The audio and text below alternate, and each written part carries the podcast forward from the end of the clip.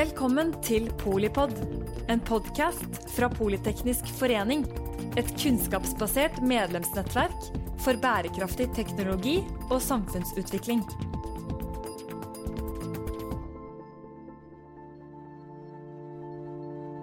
Velkommen til eh, Arendal, Polipod, dvs. Si polipolitikk fra Arendalsuka.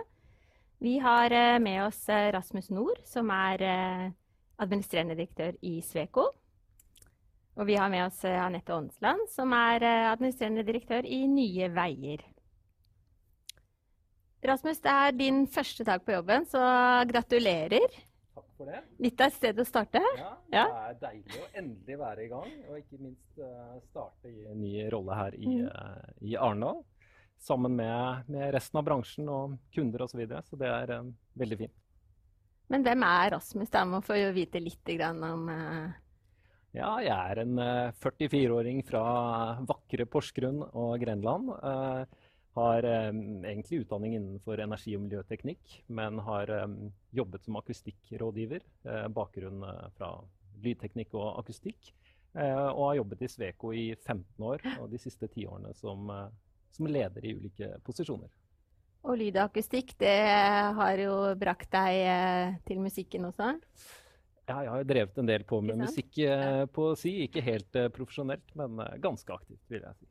Men det er kjekt å ha deg, og gode toner satt. Takk Men du, hva mener du? Hva burde vi snakke om når vi snakker om politikk?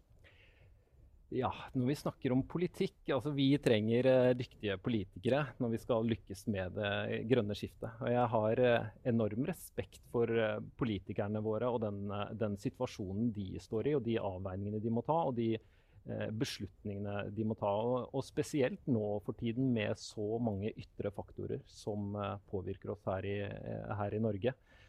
Med geopolitisk uro, med energikrise, strømpriskrise og en pandemi som, som ikke helt har sluppet uh, taket. Uh, og for å ta energikrisen og strømpriskrisen, så er det viktig at vi har eh, politikere som selvfølgelig gjør de tiltakene som vi trenger her og nå for å sikre trygghet i befolkningen og for, for næringslivet. Uh, men samtidig så er jo vi i bransjen opptatt av at politikerne også ser det langsiktige bildet og gjør de tiltakene som skal løse utfordringen på sikt. Og en, et viktig, en viktig del av svaret på det er jo rett og slett å bygge mer eh, fornybar eh, energi. Så det er viktig å ha politikere som, som eh, trekker de lange linjene. Så, så det er viktig. Og så er det jo det er ikke politikerne som skal finne svaret. Det er eh, næringslivet. Men vi trenger eh, ambisiøse politikere som setter tydelige krav og gode rammebetingelser for at vi i bransjen skal finne, finne løsningene. Du nikker, Anette. Ja, jeg gjør det. Men før jeg kommenterer på det, så har jeg bare lyst til å gratulere deg med ny jobb. Takk for det. Eh, og inn i en bransje som er utrolig spennende å jobbe i. Eh, og i en bransje som skal være svaret Mm. på utfordringen, og ikke problemet. Mm. Og det tror jeg vi, eh, vi har med oss eh, hele bransjen i et sånt løft for å klare å få det til. Og så syns jeg du trekker opp veldig relevante poenger. Eh, det er dette vi må være opptatt av. Det er den situasjonen vi står i nå. Og når det er sagt, jeg er veldig glad jeg ikke er politiker og er på vakt akkurat nå. Eh, og har fått utdelt denne vakta, for de står i krevende beslutningsprosesser og veldig vanskelige valg og avveininger og målkonflikter med en pengesekk som iallfall innenfor samferdsel er signalisert skal, skal tas ned. Ambisjonene som er lagt inn i NTP, eh, vil vi måtte sikkert se på på nytt. Og hva Det er jo- NTP, Anette? Ja, Nasjonal transportplan, det er den der tre, trebokstavsyken. Nasjonal transportplan var jo veldig ambisiøs. eh, Ble sagt realistisk, men ambisiøs. Men med det du ramser opp Mm. av utfordringer nå, så, så vil vi måtte se på prosjekter på nytt. Kan de skaleres ned? Er det kanskje noen som må skyves på? Og hvordan ser kostnadsbildet ut framover? Det er en krevende tid vi står i akkurat nå. Men det betyr også at det er eh, god sjanse til å gjøre vei i vellinga, da. Bokstavelig talt. Det er det. Og da har jeg jo lyst til å promotere Nye Veier som selskap. Som en eh, innovativ, eh, fornyende ressurs inn i eh, samferdsel. Vi starta i 2016 og har innovert bransjen. Det er et helt annet eh, samferdsel vi ser nå, enn det det var i 2016. Vi ble etablert for å kutte kostnader, primært. Med stor oppmerksomhet skulle vi ha på samfunnsøkonomisk lønnsomhet. Det har vi lykkes med. Vi har økt nytten i prosjektene våre, og vi har tatt ned kostnadene på de prosjektene vi har åpna, med eh, 17-18 Riktignok er målet vårt 20, men, eh, men vi, vi syns likevel at 18% er ganske bra. Så det har vi lykkes med. Det er store penger. Det blir jo milliarder av mm. sånt når du har en portefølje på 100 etter hvert eh, 80-90 milliarder. Så så det er store summer. Det er store, store penger. Og så tenker vi at vi er jo ikke ferdig med å innovere. Vi er, vi er, fortsatt der at vi må gjøre det, og nå må vi gjøre det på litt andre områder.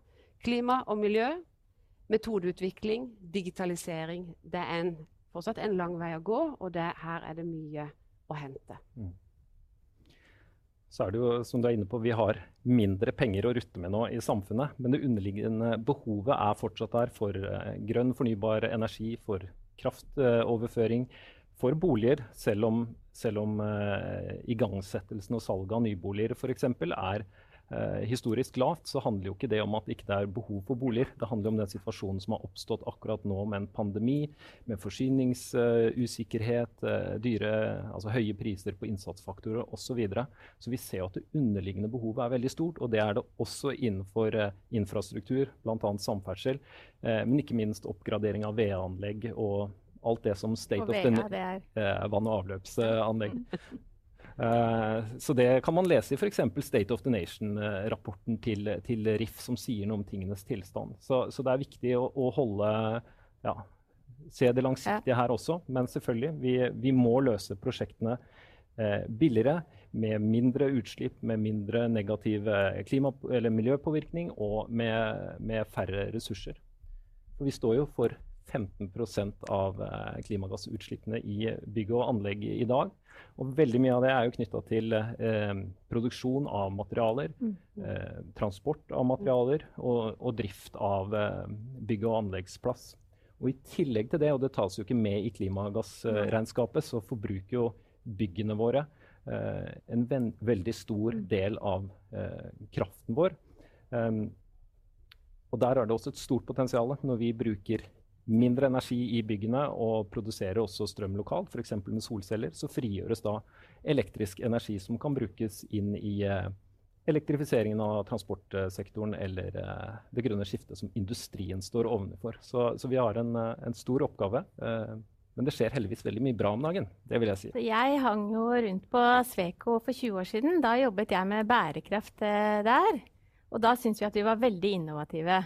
Eh, ikke sant? Og så jeg er veldig nysgjerrig på litt sånn uh, kjøtt på beinet da, i forhold til hva gjør Sveko i dag? Litt sånn konkret på disse store utfordringene. Jeg vil jo si at det har skjedd enormt mye på 10 år og på 20 år. Ja. Det var en periode det var veldig mye prat, uh, ikke fullt så mye handling. men jeg kan, før jeg begynner å snakke om Sveko, så kan jeg snakke om alt det vi ser i hele verdikjeden mm. i, i bransjen vår. For vi registrerer at det er jo et kappløp med positivt fortegn nå for alle som jobber i, i bygg og anlegg for å øh, omstille seg og bli grønnere og jobbe mot klimanøytralitet. Både de som produserer materialer, de som transporterer materialer, eh, og også entreprenører og rådgivere. Alle skjønner at vi må jobbe grønt og klimanøytralt det er en forutsetning for å, å være i denne eh, bransjen. Så eh, det skjer heldigvis eh, veldig, veldig mye. Så, mm, og jeg kan jo nevne noen Sveko-eksempler. Eh, for vi ser jo nå at vi gjennomfører prosjekter der vi gjenbruker eh, det aller meste av materialene. Både betongen, ventilasjonsanlegget, akustikkhimlingene, fasadeplatene. Eh, og vi må omstille oss til en sirkulær økonomi. For vi kan rett og slett ikke hente ut så mye ressurser fra, fra jorda som det, vi, som det, vi, gjør i dag. Eh, og en annen endring er at vi gjennomfører jo nå prosjekter eh, der vi tilpasser prosjektene så vi kan ta ut og demontere alle materialene, tilnærmet alle materialene for gjenbruk i neste, neste prosjekt. Og det gjør vi også på samferdselssiden, bl.a. med Nye Veier i 18 Tvedestrand-Bamble, der vi ser på muligheten for å gjenbruke asfalten. Eh, i, altså asfalten fra en eksisterende vei inn i det nye prosjektet, rett og slett for å begrense ressursuttaket. Det, Hvordan skjer det konkret? Nei, ja, jeg kan, jeg kan, kommentere på det uh, først. For dette der har vi et samarbeidsprosjekt. Men når vi sto på Arendalsuka i fjor, mm. så uh, hadde vi nettopp eh, fått på plass en reguleringsplan for denne strekningen. og da forsto vi at den planen i helt nytt terreng utenfor dagens vei, altså i helt jomfruelig terreng, den var kanskje ikke det mest bærekraftige. Så da lanserte vi på, under Arendalsuka uh, at vi skulle gå tilbake. Vi skulle se på mer gjenbruk av eksisterende E18. Det har vi gjort nå sammen med Sveko, så nå har vi to alternativer. Det ene er en regulert løsning som optimaliseres av, av Sveko, og så er det mer gjenbruk av dagens vei. Og det vi ser, er at vi får vesentlig ned klimagassutslippet. Og det får vi av tre grunner. Vi får det pga. redusert arealbehov, som henger sammen med at vi eh, gjenbruker mye av dagens vei, så vi må ikke ta så mye nytt areal. Vi kan transportere massen mer smart, kortere, mer gjenbruk. Det betyr at du trenger ikke så mye deponi.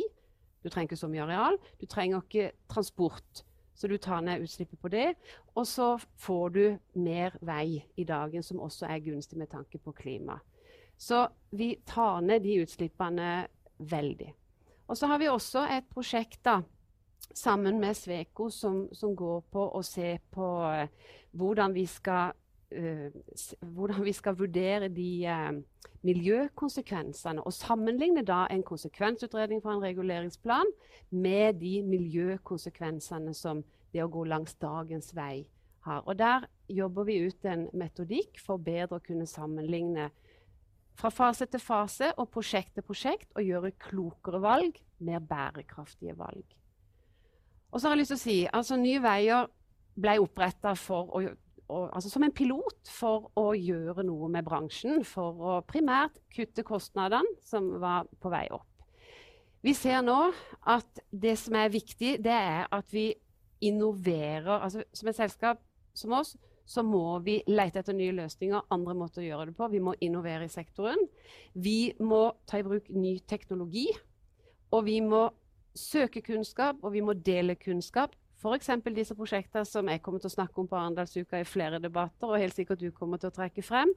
Og så må vi bruke vår innkjøpsmakt for å få til eh, innovasjon gjennom våre kontrakter. For vi har ikke et eget forsknings... Eh, vi har ikke satt av et eget Eh, og får ikke tildelt midler til forskning og utvikling. Vi må bruke det av porteføljen, og vi må gjøre kloke valg i våre prosjekt. Så, det høres jo bare veldig mye smartere ut. Det, hvor mye teknologi ligger i de eh, løsningene? Det er der vi bruker eh, kontrakten ut i markedet. Og vi er, helt, altså vi er mer en pusher, en fast, altså legge til rette for, etterspørre, stille krav. Så på eh, det at vi, stiller, vi har budsjetter for klima, vi krever regnskap og rapportering, også for å kunne sette oss nye ambisiøse mål. Og så har vi hatt en innovativ anskaffelse, hvor vi da f.eks. får testa mer ut ny type teknologi. Mer eh, eh, altså selvkjørende anleggskjøretøy vi har pilotprosjekter for å få fossilfri anleggsplass osv. Så sånn bruker vi kontrakten for å få markedet til å konkurrere og levere på dette. Og det er akkurat sånn det skal fungere. Og Nye Veier har gjort en veldig god jobb og stilt eh, de riktige kravene, men også brukt innkjøpsmakten sin til å, å gjøre oss eh, leverandører. Eh, altså Vi må rett og slett tenke nytt. Vi må skjerpe oss, bli bedre. Det er vi som skal finne løsningene, selvfølgelig sammen med bl.a. Nye Veier. Men det er det vi ser eh, begynner å skje nå, eh, og det begynner å bli veldig, veldig konkret. Um, og i Sveko så jobber vi jo veldig mye altså Vi, vi er, selger jo egentlig bare vår kompetanse. Så det å, men den kompetansen vi har hatt tidligere, den er gull verdt. Men vi må faktisk gjøre ting på en annen måte. Mm. Så vi bruker eh, veldig mye tid på å løfte kompetansen innen fagene. Og i tillegg utvikle um, klimastrateger som kan se det helhetlige bildet. For dette er ikke noe enfaglig. Dette går på tvers av uh, alle fagene. Uh, og rett og slett ha ja, strategisk klimakompetanse uh, for flere med den, med den uh, erfaringen og den uh, kunnskapen. Da. Så det, det, er veldig viktig. Og når vi blir satt på prøve av våre ambisiøse kunder, så jobber vi hardt med teknologi, med samarbeidspartnere, med også å utvikle egne løsninger for å kunne gjøre de beregningene og dokumentere og vise at Eller finne den optimale løsningen for for akkurat det prosjektet med de rammene og de kravene som er satt i, i eh, prosjektet. Så det, det, vil jeg si har vært et veldig godt samarbeid med, med mange ambisiøse kunder, men bl.a. Nye Veier. da. Det er jo eh, et sånt mantra også her i Arendal at uh, digitaliseringen skal på en måte renne, redde sirkularitet i både næringsliv og offentlig forvaltning. Men det, det, er jo litt sånn der oppe. Så Fortell oss litt om noen sånne mer sånn jordnære eksempler på Ja, jordnære. Altså, vi må gå over fra en lineær økonomi, som vi har hatt i samfunnet i et par hundre år, og gå over til en uh, sirkulær tankegang. Altså, over 95% av materialene og ressursene vi bruker inn i prosjektene våre, går jo ikke tilbake i kretsløpet. Mm. Det er mye. Det er mye. Og sånn kan vi jo ikke holde på uh, lenger. så det handler i veldig stor grad selvfølgelig om teknologi. For å kunne lage gode gjenbruksstrategier, vite hvilke materialer man har tilgjengelig, så må man ha gode data mm. inn i, eh, inn i de løsningene som måte, datamaskinen kan uh, optimalisere. Eh, og der skjer det jo også veldig mye nå. Eh, så vi utvikler egne ting i, i Sveko, av bl.a. noe som heter Carbon Cost Compass, som vi bruker i bygg for å um, kunne regne ut klimagassutslipp uh, for, for, det prosjektet. Og kunne optimalisere og lage gjenbruksstrategier. Uh, så er vi med i bransjeinitiativ som uh, Madaster f.eks., som er et sted der man registrerer materialer i bygninger. Uh, slik at man vet hva man har tilgjengelig når man skal mm. sette i gang med neste, mm. neste prosjekt. Så det begynner å skje ting. Nå er det jo etablert uh, det som trolig er Europas største gjenbruksstasjon uh, i, for brukte byggematerialer i Oslo. Og det er den type ting vi som, som bransje trenger. Sånn at den hva skal vi kalle det, infrastrukturen er på plass for å bruke materialet på en, på en optimal måte. Er det dyrere fremdeles, eller? Altså, det, alt dere sier er jo veldig smart, men, uh, men ba, hvorfor skjer det ikke? Jeg har bare lyst til å kommentere det jeg, før Anette får ordet. Jeg har en sykkel som kanskje kosta 3000 kroner ny, som jeg leverte her om dagen inn til reparasjon. Og prisen på å reparere gir og hjul på den sykkelen var jo 6000 kroner. Oh. Og da er det noe med Det er vanskelig å, å gjenbruke ting når, mm. når mekanismene mm. trekker oss i den retningen. Og det ser vi jo i veldig stor grad i, i bygg- og anleggsbransjen òg. At vi er det er fortsatt ofte mye billigere og enklere å uh, bruke nytt enn å gjenbruke. Men vi er på vei. Du skal bruke asfalt uh, på nytt, til og med? Ja, da, vi skal det. Og vi, uh, vi reviderte strategien vår i 2021, starten av 2021, hvor vi har fire prioriteringer. En av de er klima og miljø. Så har vi i tillegg en klimastrategi og en miljøstrategi. Og i den miljøstrategien så har vi tre prioriteringer hos oss. Det ene er areal, arealbruk, naturkonsekvensene av hvordan vi bruker arealet vårt. Altså vi skal begrense det. Eh, det andre er sirkulær økonomi. Og selvfølgelig ta vare på eh, avfall og den type, men gjenbruk av vei. Vurdere våre prosjekt, om de er egnet for å kunne gjenbruke og bygge ut eh, ny vei ved siden av den gamle. Og da får du på en måte gjenbrukt asfalten én ting, og gjenbruke asfalten tilbake i et materiale. Men du får brukt også eh, to, to, felt i en retning og, og kan utvide til eh, tre og fire felt. Og det siste er selvfølgelig eh, forurensning. Altså ta vare på, eh, på, eh, på alt rundt oss, sånn at ikke vi ikke forurenser i forbindelse med veibygginga, også i drift, og, og gjør undersøkelser rundt det. Men Og, og, det er ikke sånn at ikke vi gjør det, for dette gjør vi jo.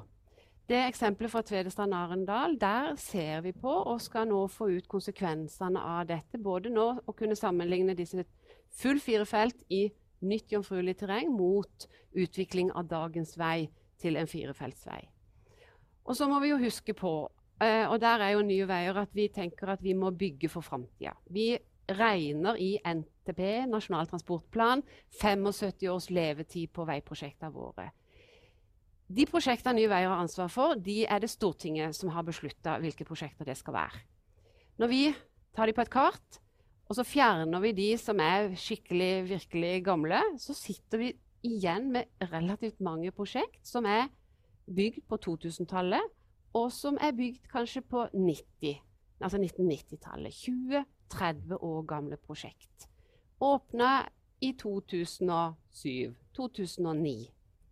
Ikke bygd med midtrekkverk. Helt åpenbart behov for ny vei, ny, trygg vei. Og det er dyrt for lommeboka, for natur, for klima, ved at vi da må bygge en ny generasjonsvei ved siden av etter 20 år. Så derfor er vi også en veldig altså aktiv aktør på å utfordre på veinormaler, regelverket for veibygging. Nå er det to standarder for, for fire felt. Det er enten, eller to standarder for motorvei, egentlig. Altså Du har en 90-standard, som er en sånn to-trefeltsvei. Og så har du en firefeltsstandard som er eh, for eh, 110. Så har vi sagt at en to-trefeltsvei krever Og når vi regner på dette, og det er derfor vi må være opptatt av fakta og data og faktiske konsekvenser av de beslutningene vi skal ta, så er det ikke gitt at arealbeslaget blir så veldig mye større fordi om du går på en firefelt kontra en to-tre-felt Du skal jo ha disse forbikjøringsfeltene. Da er du Og for den type trafikk vi snakker om nå, så vil en to-trefeltsvei være 17 15-17 meter, avhengig av hvordan du plasserer disse kjørefeltene. Og en Smart fire felt for litt lavere trafikktall vil være rundt 19. Opp mot full fire felt, høy trafikk 23 meter. Og så er Det sånn at det kommer an på hvilken topografi man har. Hvordan er terrenget? E39, der vil hvor du har det som er i hånd. Du går gjennom et fjell, og så går du over en dal, og så går du inn i et fjell. Altså du går inn i en tunnel, ut på ei bru, så har du kanskje litt vei, og så er det inn i en tunnel. Der er kostnads Differansen mellom en firefeltsløsning eh, type 19-20 meter mot en to-trefeltsvei veldig liten, fordi tunnelene må bygges med to løp. og Da må du ut på to bruer. Så kan, kunne du jo tatt det sammen igjen på et lite veistykke, for så å splitte på to, eh, to tunneler. For der er trafikken over 8000 kjøretøy i døgnet, så må du ha doble tunnelløp i henhold til regelverket fra EU. Går du på Innlandet, hvor du ikke har så mye tunneler og behov for det, så vil den kostnadsforskjellen være større. Derfor er vi opptatt av at ikke vi har et innslagspunkt som bare er trafikk, som skal styre hvilken veistandard du skal bygge, men at du faktisk må se på et større sett av kriterier for å gjøre samfunnsøkonomisk lønnsomme og bærekraftige valg. Det er iallfall dyrt å bygge to ganger innenfor en tidsperiode på 20 år. Og det er ikke bra for klimaet, og det er ikke bra for miljøet. Jeg er jo samfunnsøkonom selv og skulle gjerne sett i krystallkula på hvordan ser De trodde sikkert for 20 år siden også at de bygget den veien som skulle vare 100 år. Så, så hva er det som gjør at vi vet noe mer om eh, ja, det du sier er normalen eller, eller antatt eh, behov da, i fremtiden? Jeg tror nok noe av det ligger på at metodesida er blitt bedre. Altså vi er blitt mye bedre på å, å regne et riktig grunnlag for trafikk, f.eks. Jeg har vært med på å jobbe i Statens vegvesen og åpne et prosjekt eh, på E39 hvor eh, den dagen vi åpna eh, Skriveriene i avisen var at dette var for smalt, og dette var ikke framtidsretta, og dette var ikke Og her kjøretøy, store kjøretøy i tunnelene møtte hverandre og tok speiler. Det, og egentlig så var dette et veldig godt prosjekt i den forstand at vi korta inn, eh, korta inn og fikk kortere reisetid for eh, næringstrafikken. Mm. Det er et av de prosjektene som nå er i vår portefølje for å skulle bygges ut, som Stortinget da har bestemt. Så vi, eh, vi er nok blitt litt bedre på metoden. Men det er mye som gjenstår Bl.a. det å kunne hensynta ikke-prissatte, altså disse miljøkonsekvensene for natur, kultur, natur, jordbruk. De blir ikke hensyntatt godt nok inn i eh, samfunnsøkonomiske beregninger, sånn som modellene er nå.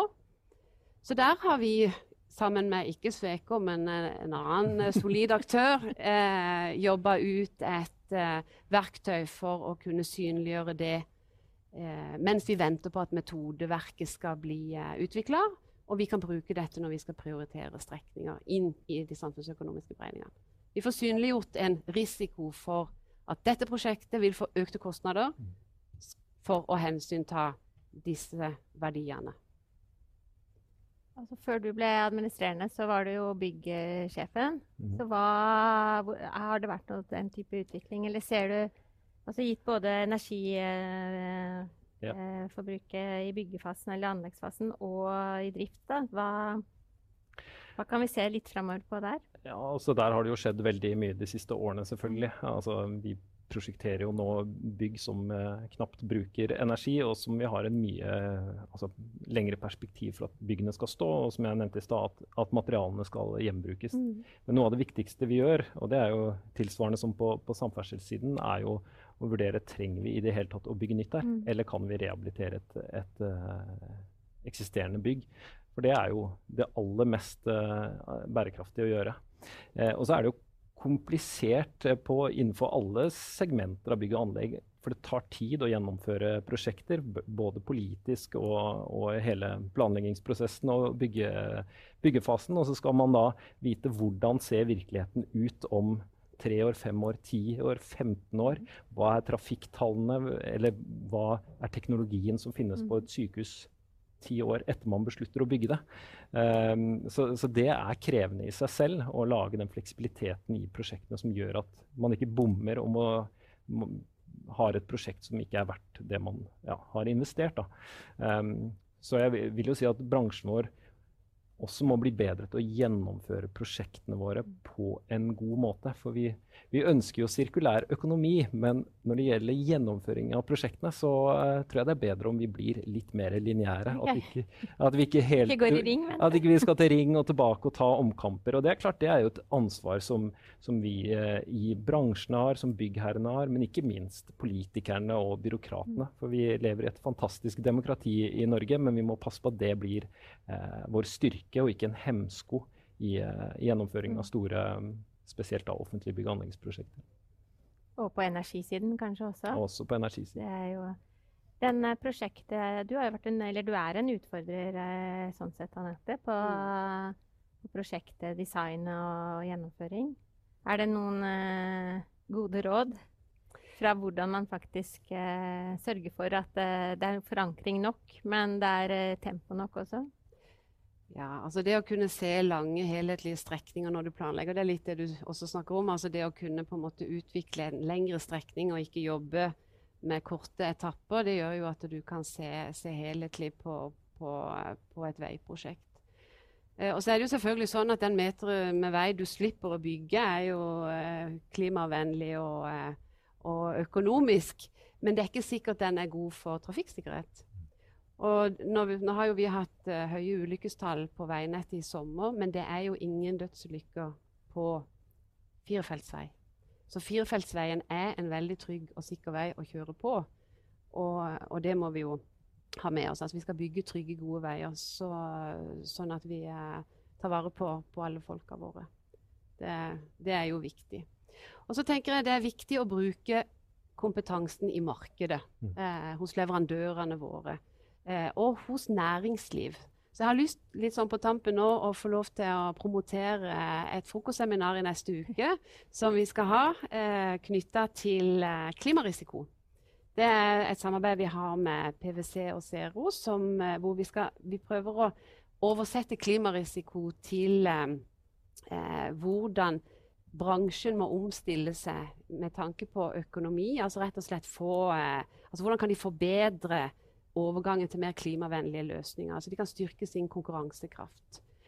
Og så har vi også ute et annet uh, forskningsprosjekt. Vi søker midler under paraplyen Grønn plattform. sammen med hele verdikjeden av leverandører. Og det er for å ta i bruk ny teknologi, nye materialer, inn i veibygging.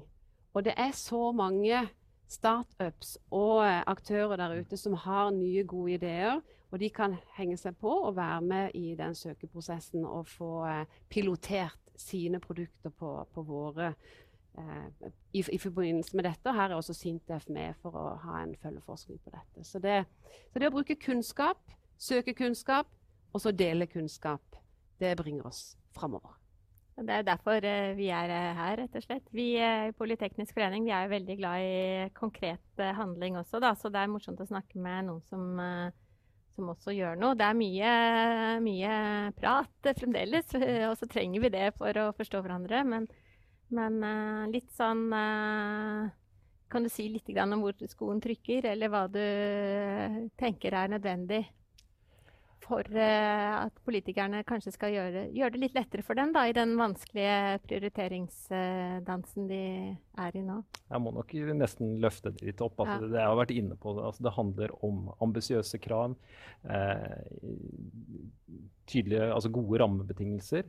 Eh, og så er det altså, politikerne våre må også selvfølgelig samarbeide med eh, Europa og EU spesielt, fordi vi løser ikke eh, dette her alene. Det er veldig mye internasjonale standarder og regelverk som skal til for at vi får det til å skje. Og heldigvis så har vi jo et EU som er eh, veldig ambisiøse og tydelige. Og nå som eh, Kongressen i USA har stemt eh, gjennom en, en klimapakke på hva er det, nesten 4000 milliarder kroner, så er det jo lov å tenke at det er håp for, eh, for samfunnet. Og det gjelder også bransjen vår. Good. Jeg ble litt optimistisk eh, selv, jeg. Så tusen takk, eh, Rasmus Nord. Dagens, eller første dag på jobben som administrerende direktør i Sveko. Det har vært en god dag så langt. Ja, det er veldig fint. Nå ble det dårlig.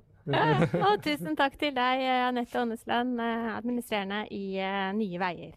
Takk skal du ha. Tusen takk til deg som ser på, enten som publikum eller der du er på direktesendinga.